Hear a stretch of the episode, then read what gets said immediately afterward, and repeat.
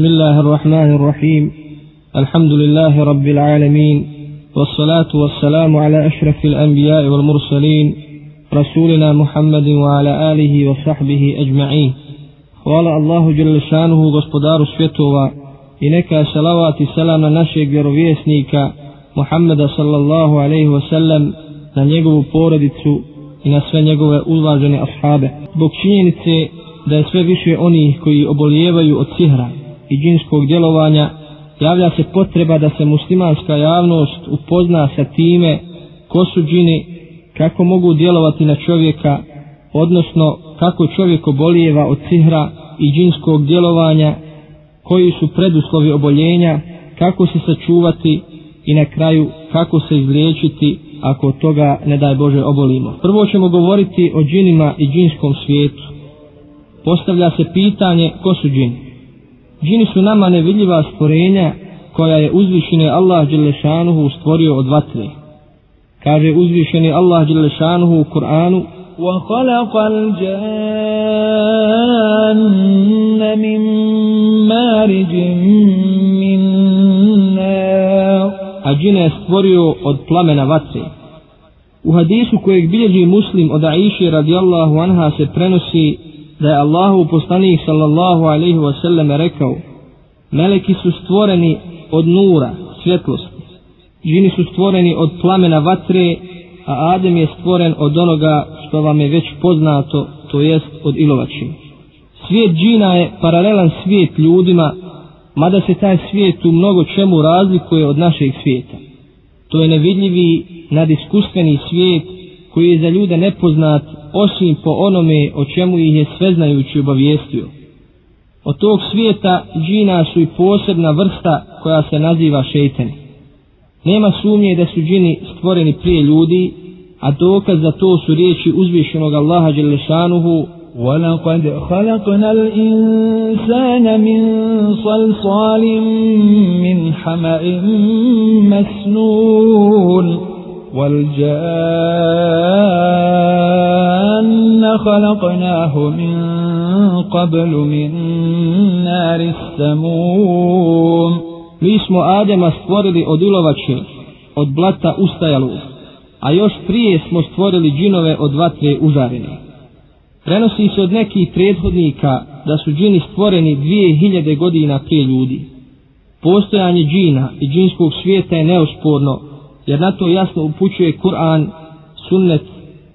Što se tiče dokaza iz Kur'ana, mnogo je kur'anskih ajeta koji upućuju na postojanje džina, a mi ćemo navesti samo neke od njih. Kaže uzvišeni Allah Đelešanuhu Kul uhija ilaija annahu stama'a nefarum minal džinni faqalu inna sami'na kur'anan ađaba Reci, meni je objavljeno da je nekoliko džinova prisluškivalo i reklo mi smo doista Kur'an koji izaziva divljenje slušali. Dokaz iz sunneta za postojanje džina bilježi muslim od Abdullaha ibn Masuda radijallahu anhu da su jedne noći bili sa Allahovim poslanikom sallallahu alaihi wasallam koji se te noći izgubio. Nakon što se vratio, rekao im je, došao mi je džinski glasnik sa kojim sam otišao i učio im Kur'an. Ljudi su i prije, a i dan danas viđali džine u raznim likovima, iako mnogi od njih koji su ih vidjeli i čuli nisu znali da su to džini, nego su vjerovali da su to duhovi prikaze ili vanzemaljci. Iako ljudi obično ne mogu vidjeti džine, džine mogu vidjeti neke životinje kao što je pas i magarac. Bilježi Buharija i Muslim hadis od Ebu Hureyri radijallahu anhu da je poslanik sallallahu alaihi wasallam rekao kada čujete pjetla da kukuriće molite Allaha Đelešanuhu za njegovo dobro jer on tada vidi meleka a kada čujete revanje magarca, utječite se Allahu od šeitana, jer tada magarac vidi šeitana. Jedan manji dio ljudi u potpunosti negira postojanje džina. Tako neki idolopoklonici tvrde da su džini duše zvijezda. Filozofi tvrde da se pod džinima misli na nagone ka zlu koji se nalaze unutar čovjeka. a neki savremenici tvrde da su džini u stvari virusi i mikrobi koje je otkrila savremena nauka. Sve su ovo neistine za koje ne postoji nikakav dokaz ni utemeljenje, a istina je postojanje džina kao zasebnog svijeta za što smo prethodno naveli dokaz. I šeita neka na njega Allahovo proklestvo pripada svijetu džina, a dokaz su riječi uzvišenog u kojima kaže وَإِذْ قُلْنَا لِلْمَلَائِكَةِ اسْجُدُوا لِآدَمَ فَسَجَدُوا إِلَّا إِبْلِيسَ كَانَ مِنَ الْجِنِّ فَفَسَقَ عَنْ أَمْرِ رَبِّهِ A kada smo rekli melekima, poklonite se Ademu, svi su se poklonili osim Iblisa, on je bio jedan od džina i zato se ogriješio o zapovijest gospodara svog. Šeitan je u početku bio pokoran uzvišenom Allahu Đelešanuhu i stanovao je na nebesima zajedno sa melekima. Ali kada mu je Allah Đelešanuhu zajedno sa melekima naredio da učini Ademu seždu, on je odbio i bio je nepokoran, pa ga je Allah Đelešanuhu prokleo i udalio od svoje milosti. Što se tiče džina, nema sumnje da se džine razmnožavaju, da se međusobno žene i udaju, i da jedu i piju kao i ljudi. Bilježi Buharija u svom sahihu od Ebu Hureyre radijallahu anhu da mu je poslanik sallallahu alaihi wasallam naredio da donese kamenčiće da bi se očistio poslije nužde i rekao mu ne donosi mi kost niti sasušenu balegu. Nakon što je Ebu Hureyre radijallahu anhu pitao u čemu je tajna zabrane upotrebe kosti i sasušene balege, poslanik mu je odgovorio kosti i sasušena balega su činska hrana. Također Tirmizija bilježi hadis od Abdullaha ibn Mas'uda radijallahu anhu da je Allahu poslanik sallallahu alaihi ve sallam rekao ne čistite se poslije nužde balegom niti kostima jer je to hrana vaše braće od džina. Džini jedu i piju lijevom rukom i ljudima je zabranjeno da ih u tome oponašaju. Bilježi muslim u svom sahihu od Ibne Omera radijallahu anhu, da je poslanik sallallahu alaihi wa sallam rekao, kada jedete, jedite desnom rukom i kada pijete, pijete desnom rukom, jer šetan jede i pije lijevom rukom. Također bilježi muslim u svom sahihu od Džabira radijallahu anhu, da je poslanik sallallahu alaihi ve sallam rekao, kada čovjek uđe u svoju kuću i pri ulasku spomene Allahovo ime, to jest bismilu, a tako učini kada jede, šeitan kaže svojim podanicima, ovdje nemate ni konaka ni večeri. Ako čovjek uđe u kuću i ne spomene Allahovo ime, šeitan kaže, ovdje ćete imati konak, a ako ne spomene Allahovo ime ni prijelu, šeitan kaže, ovdje ćete imati i konak i večeru. Džini kao i ljudi umiru, ali oni mnogo duže žive od ljudi. Dokaz za to je kuranski ajet u kojem Allah dželle šanuhu kaže: "Kullu man 'alayha fan wa yabqa wajhu rabbika dhul jalali wal ikram." Sve što je na zemlji prolazno je, ostaje samo gospodar tvoj veličanstveni i plemeniti. Također bilježi Bukharija u svom sahihu od Ibn Abbas radijallahu anhu da je poslanik sallallahu alaihi wasallam rekao utječem se tvojoj moći, ti pored kojeg drugog Boga nema i koji ne umire, a džini i ljudi umiru. Iblis će, kako nas je Allah Đelešanu obavijestio, živiti do sudnjega dana i to je svojstveno samo njemu. A dokaz zato su riječi uzvišenog Allaha Đelešanu u kojima kaže Kona anvirni ila javmi yub'asun Kona innaka minal mubarim Daj mi vremena do dana njihova oživljenja zamoli on to jest šeitan iblis. Daje ti se vremena reče on to jest Allah Đelešanu gdje stanuju i boreve džini? Džini uglavnom borave i nastanjuju pustoši i ruševine i nečista mjesta kao što su kupatila, smetljišta, nužnici, staje, groblja, i zato vraćari i sihirbazi često odlaze na takva mjesta. Džini se okupljaju i na mjestima gdje mogu učiniti nered među ljudima kao što su pijace.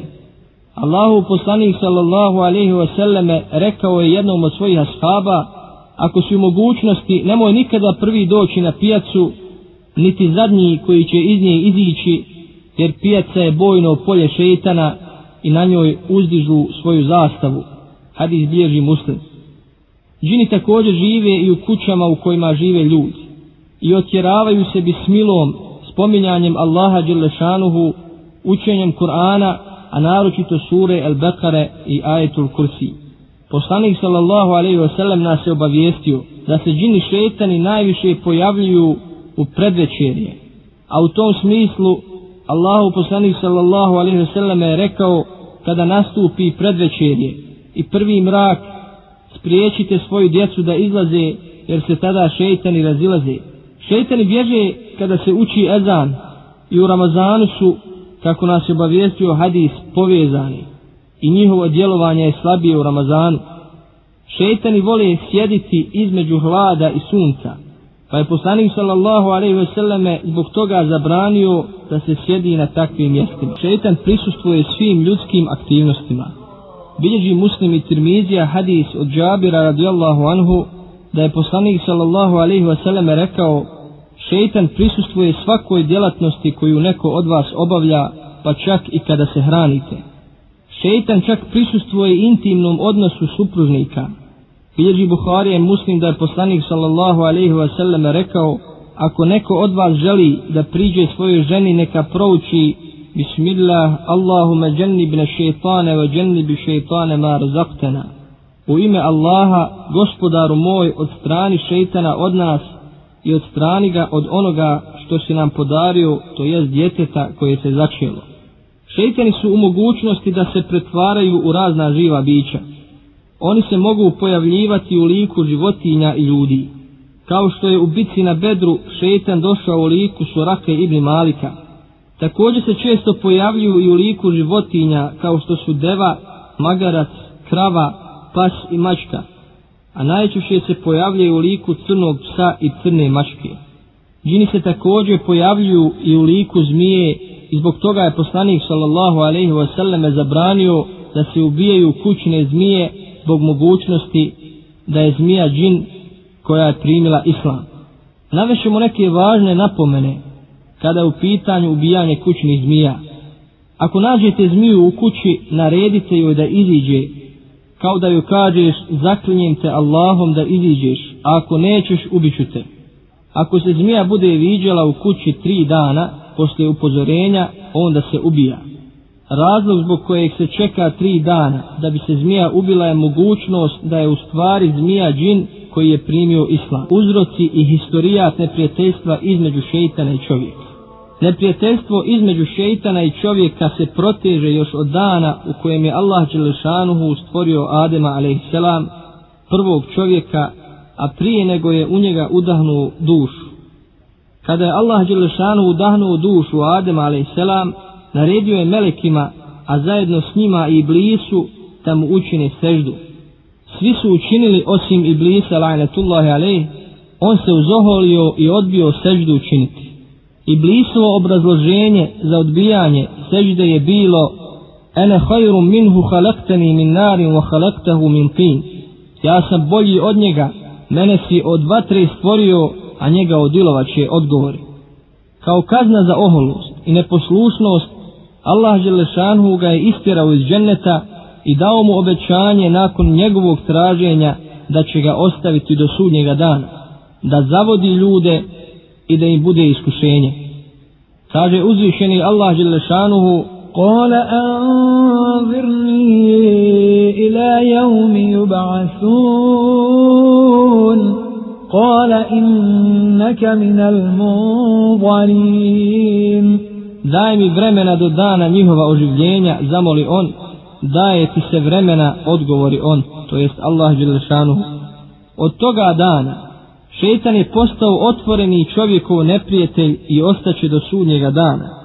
Glavni i osnovni cilj tog šeitanskog neprijateljstva prema čovjeku je da ga gurne u džehennemsku vatru nakon što ga zavede iz pravog puta.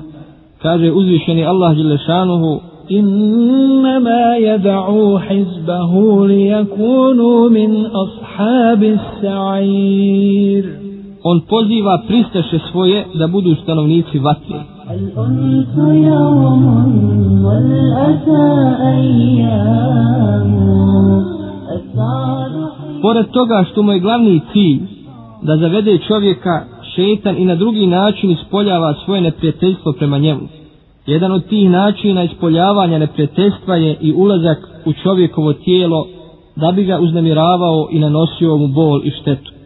Ovo je srž naše teme, ograjsavanje i sihr, čiji su uzrok džini i džinsko djelovanje na čovjeka.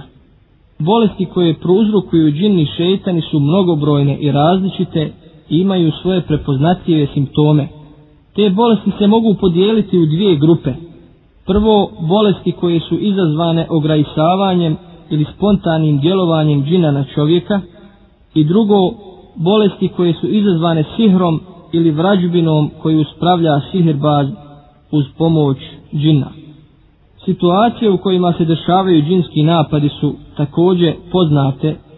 Džinski mes ili djelovanje na čovjeka uglavnom se dešava u određenim situacijama. Prvo u slučaju ljudskog iritiranja džina nekim nesmotrenim postupkom kao što je prolivanje vrele vode, sudar s njim i tako dalje. Drugo, zaljubljenost džina ili džinkinje u čovjeka. Treće, džin jednostavno može bez ikakvog razloga da ezijeti i uznemirava čovjeka. I to uznemiravanje bez razloga može se uglavnom desiti u jednom od sljedećih stanja u kojima se ljudi mogu naći. Prvo u velikoj srđbi, u velikom strahu, u velikom uživanju i teškoj depresiji. Naravno, sihr i džinsko djelovanje na čovjeka ima svoje simptome kao što smo naveli, pa ćemo navesti one osnovne na osnovu kojih ćemo prepoznati da li je čovjek obolio od sihra i džinskog djelovanja. Simptomi oboljenja od džinskog djelovanja mogu biti na javi i u snu. Simptomi koji su u snu su sljedeći. Nesanica, često buđenje i noćne more, zastrašujući snovi i progonjenja u snu. Sanjavanje životinja, zmija, mačaka, pasa i miševa. Nekontrolisano smijanje u snu, plać i vrištanje, sanjavanje sebe u groblju ili na nekom pustom mjestu, sanjavanje prikaza i aveti, sanjavanje ljudi neprirodnih veličina i dimenzija. Što se tiče simptoma na javi, oni su sljedeći. Unutrašnji poriv averzije ili odbojnosti i odvraćanja od bilo kakvog vida i badeta, a posebno namaza, učenja Kur'ana i zikra.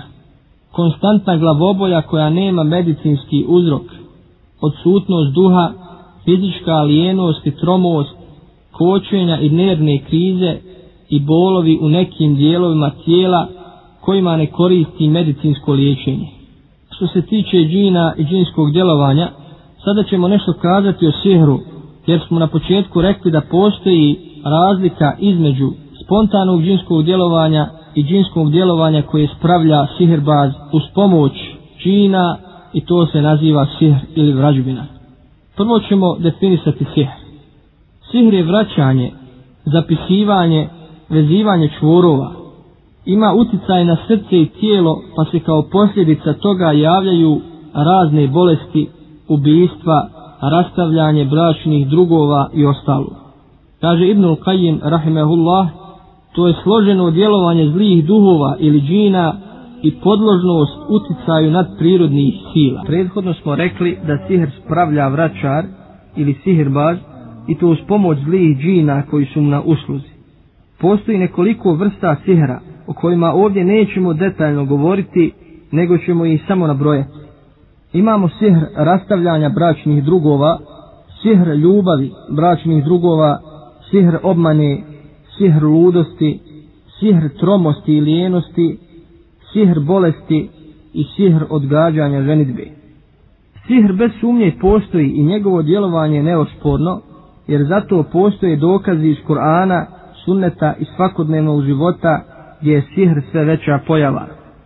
Kada je u pitanju dokazi iz Kur'ana, kaže uzvišeni Allah Đelešanuhu واتبعوا ما تتلو الشياطين على ملك سليمان وما كفر سليمان ولكن الشياطين كفروا يعلمون الناس السحر i povode se za onim što su šetani o Sulejmanovoj vladavini kazivali, a Sulejman nije bio nevjernik.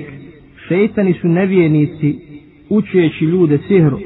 Bježi Buharije i muslimo da iše radijallahu anha da je Lubejd ibn El Asam, najpoznatiji židovski sihirbaz, spravio sihr poslaniku sallallahu alaihi wa sellem u želji da ga ubije.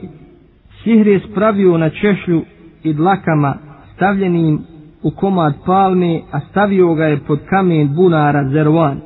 Što se tiče bolesti od džinskog djelovanja i sihra, one se samo mogu liječiti Kur'anom ili kuranskim učenjem, dovama i zikrom.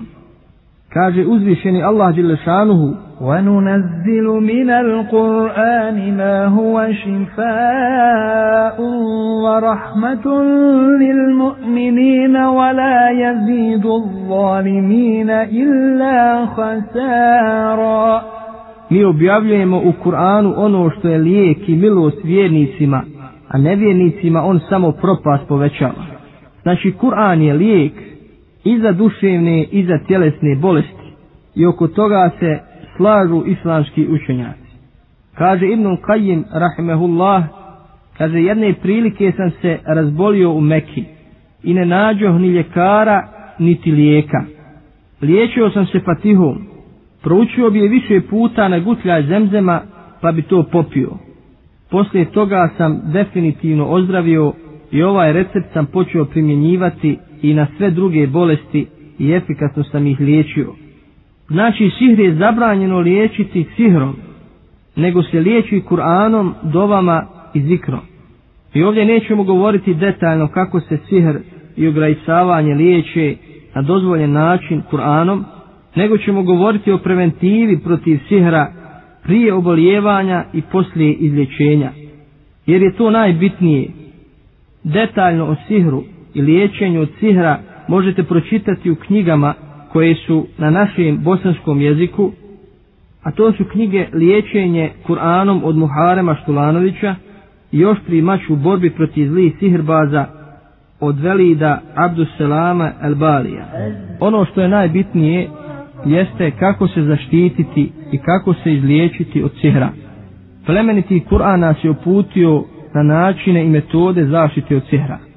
Prvo i najbitnije je da se čovjek pridržava i da prakticira islam u svakodnevnom životu, jer udaljavanjem od islama i njegovog sprovođenja čovjek se sve više izlaže sihru i džinskom djelovanju, iako oboli kao takav veoma teško se liječi. Prakticiranje islama svakodnevno najviše srdi i odbija šeitana.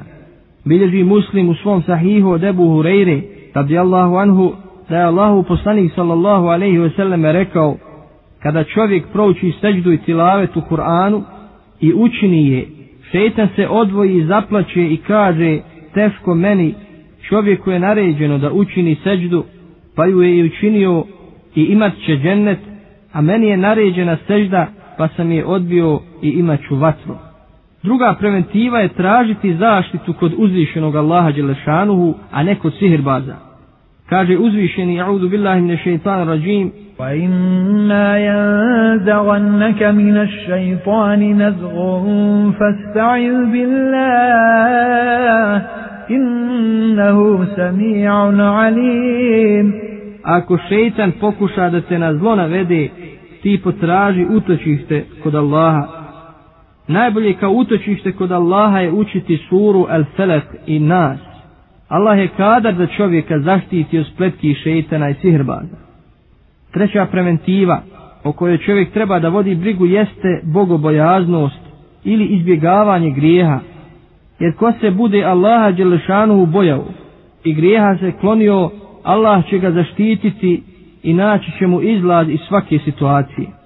Čovjek treba da traži utočište kod Allaha Đelešanu u sljedećim slučajima. Prije ulaska u nužnik, jer u nužniku borave džini šeitan.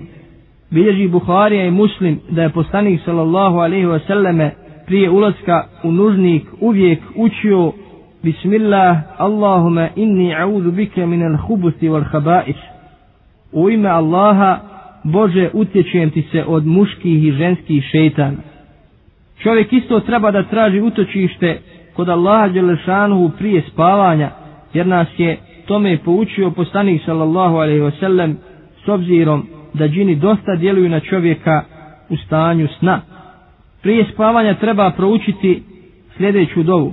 Bismillah, a'udhu bi kalimatillahi tammati min gadabihi wa iqabihi wa šerri ibadih wa min hamazati šajatini wa an jahdurun. Utječem se njegovim potpunim riječima od njegove srđbe i kazne, od dla njegovih robova i šeitanskog prisustva. Čovjek treba da traži utočište kod Allaha Đelešanuhu i prije odnosa sa ženom.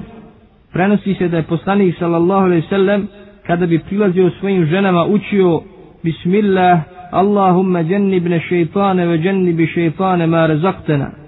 U ime Allaha, Bože, od strani od nas šeitana i od strani šeitana od onoga čime si nas obskrbio. Čovjek čak i kada uči Kur'an, Allahu Đelešanuhu govor, treba da traži utočište kod Allaha, da se ne bi šetan upleo između njega i njegovog srca i njegovog ispravnog poimanja i shvatanja Kur'ana. Znači prije svakog učenja Kur'ana čovjek treba da prouči Audu Billu.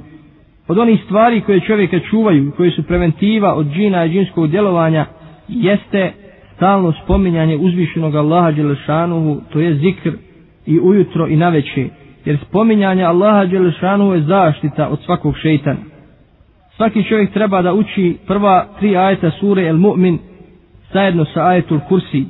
Bilježi Tirmizija od Ebu Hureyre radijallahu anh da je poslanik sallallahu alaihi wasallam rekao ko prouči Hamim, to jest od početka sure Mu'min do Wa ilaihi il masir i ajetul Kursi kada osvane bit će time sačuvan dok ne smutne.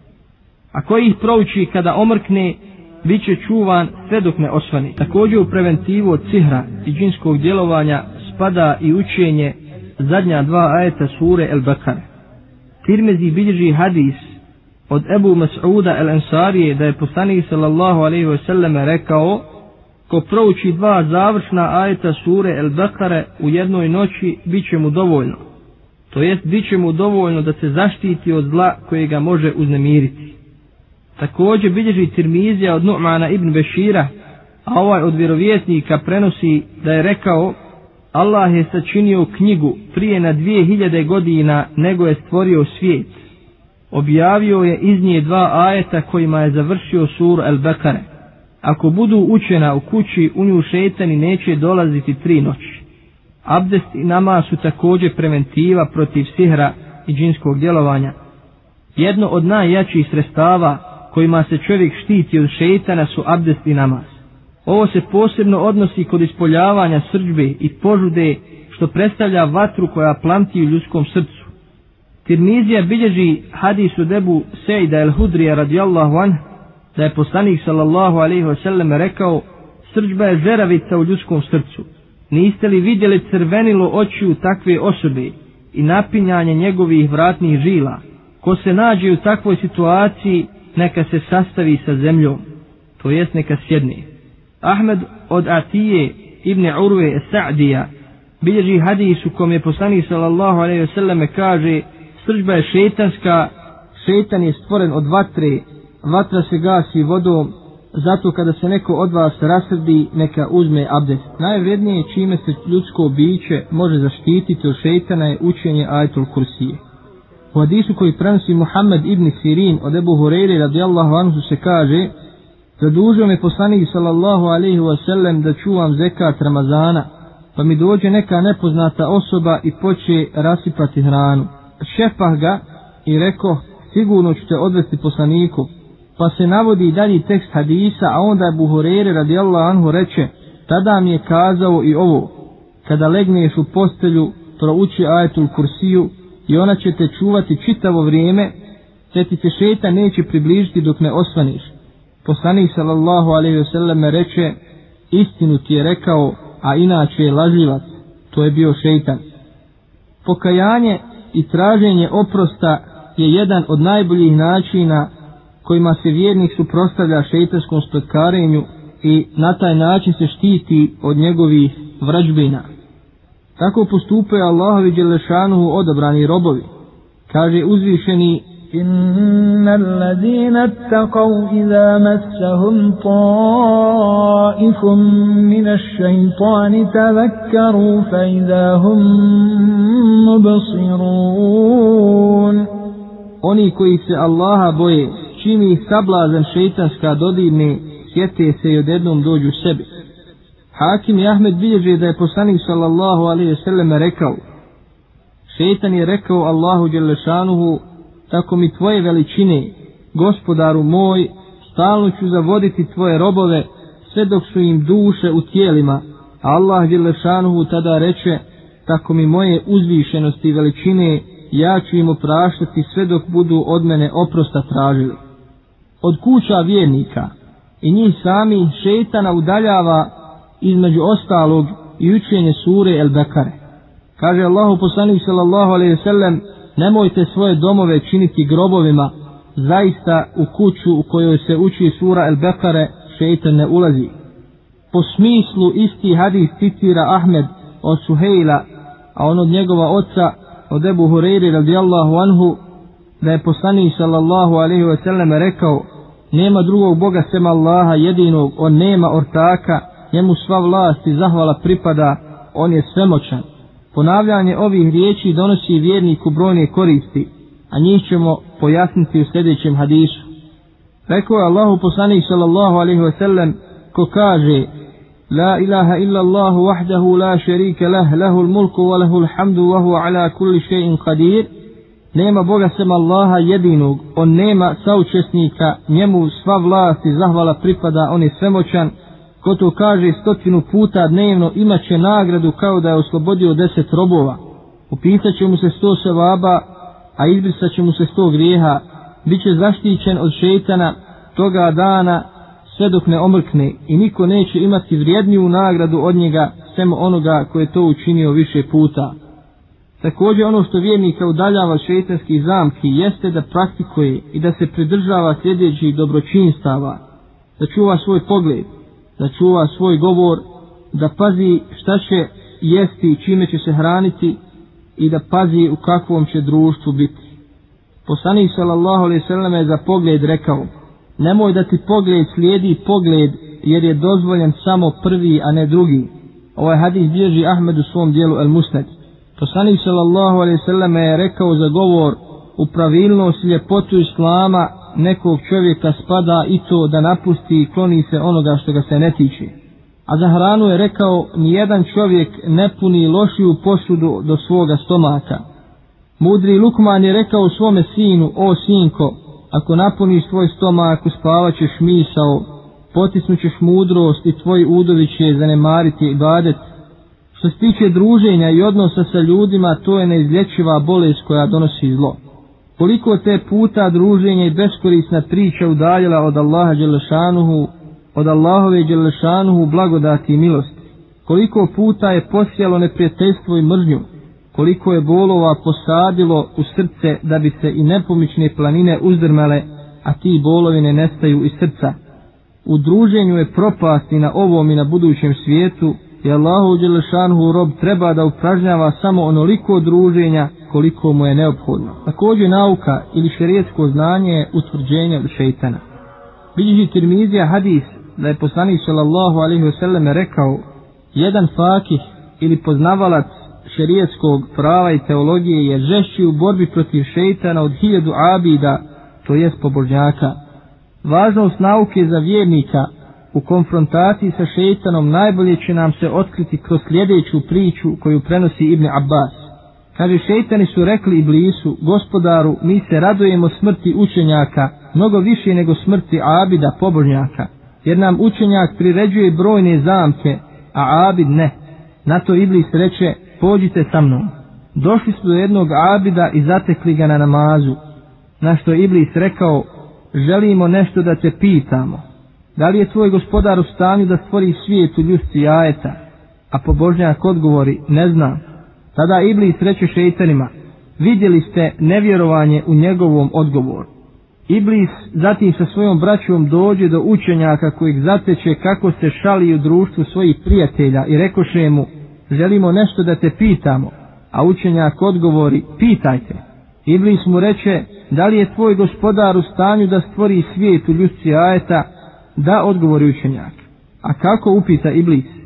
Učenjak prouči sljedeći ajet u kome Allah Đelešanuhu kaže Innama amruhu iza arada šajan an yakula lahu kun fayakun I zaista on može, kada nešto hoće, samo zato rekne budi i ono bude. Nakon ovoga Iblis reče svojim podanicima, vidjeli ste kolika je razlika između abida i učenjaka. Abid ne čini nasilje ni sebi ni drugima, ali učenjak uz to svojim velikim znanjem ponižava mene. Da bi se uspješno suprotstavljali šeitanu i sačuvali se njegovi spletki, potrebno je da budemo u zajednici muslimana ili džematu. Stoga je neophodno da se svaki musliman drži džemata i bude aktivan član zajednice muslimana, jer ga to udaljava od šeitanskih zabluda i zamki. Bilječi Tirmize i Ahmed da je poslanik sallallahu alaihi wasallam rekao ko od vas želi da uđe u džennet neka se drži džemata jer je šetan s pojedincem a dalje od dvojice. Također Ibn Sa'id prenosi da je poslanik sallallahu alaihi wasallam rekao Allahova ruka nad džematom zajednicom, a šeitan je s onim koji se izdvaja iz zajednice. Ovo su stvari koji čovjek treba da se pridržava ako želi da se zaštiti od sihra i džinskog djelovanja. I na kraju, musliman koji bude iskušan time da oboli od sihra ili ograjsavanja, treba da lijek traži kod onih osoba koje liječi na dozvoljen način Kur'anom i vjerodostojnim dovama, a ne da idu kod sihirbaza i vraćara da ih oni liječe, jer je to strogo vjerom zabranjeno. Ti isti sihirbazi koji liječe pod navodnim znacima od sihra, spravljaju sihr drugim muslimanima.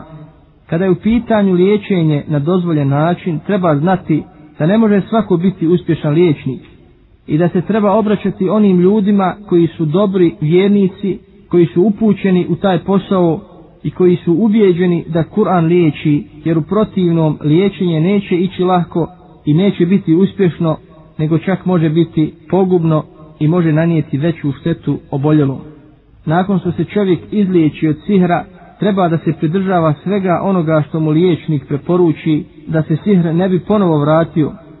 Na prvom redu treba da se čuva grijeha i da izvršava sve Allahove Đelešanuhu naredbe kao što su namaz, poslušnost prema roditeljima i općenito dobročinstvo, jer najveći razlog obolijevanja od sihra i ograjsavanja je udaljavanje ljudi od vjere. Molimo Allaha Đelešanuhu da nam pomogne da se vratimo vjeri i da nas sačuva šeitana, njihovih sedbenika i njihova zla. Subhanaka Allahumma bihamdika ashhadu an la ilaha illa anta astaghfiruka wa atubu ilayk.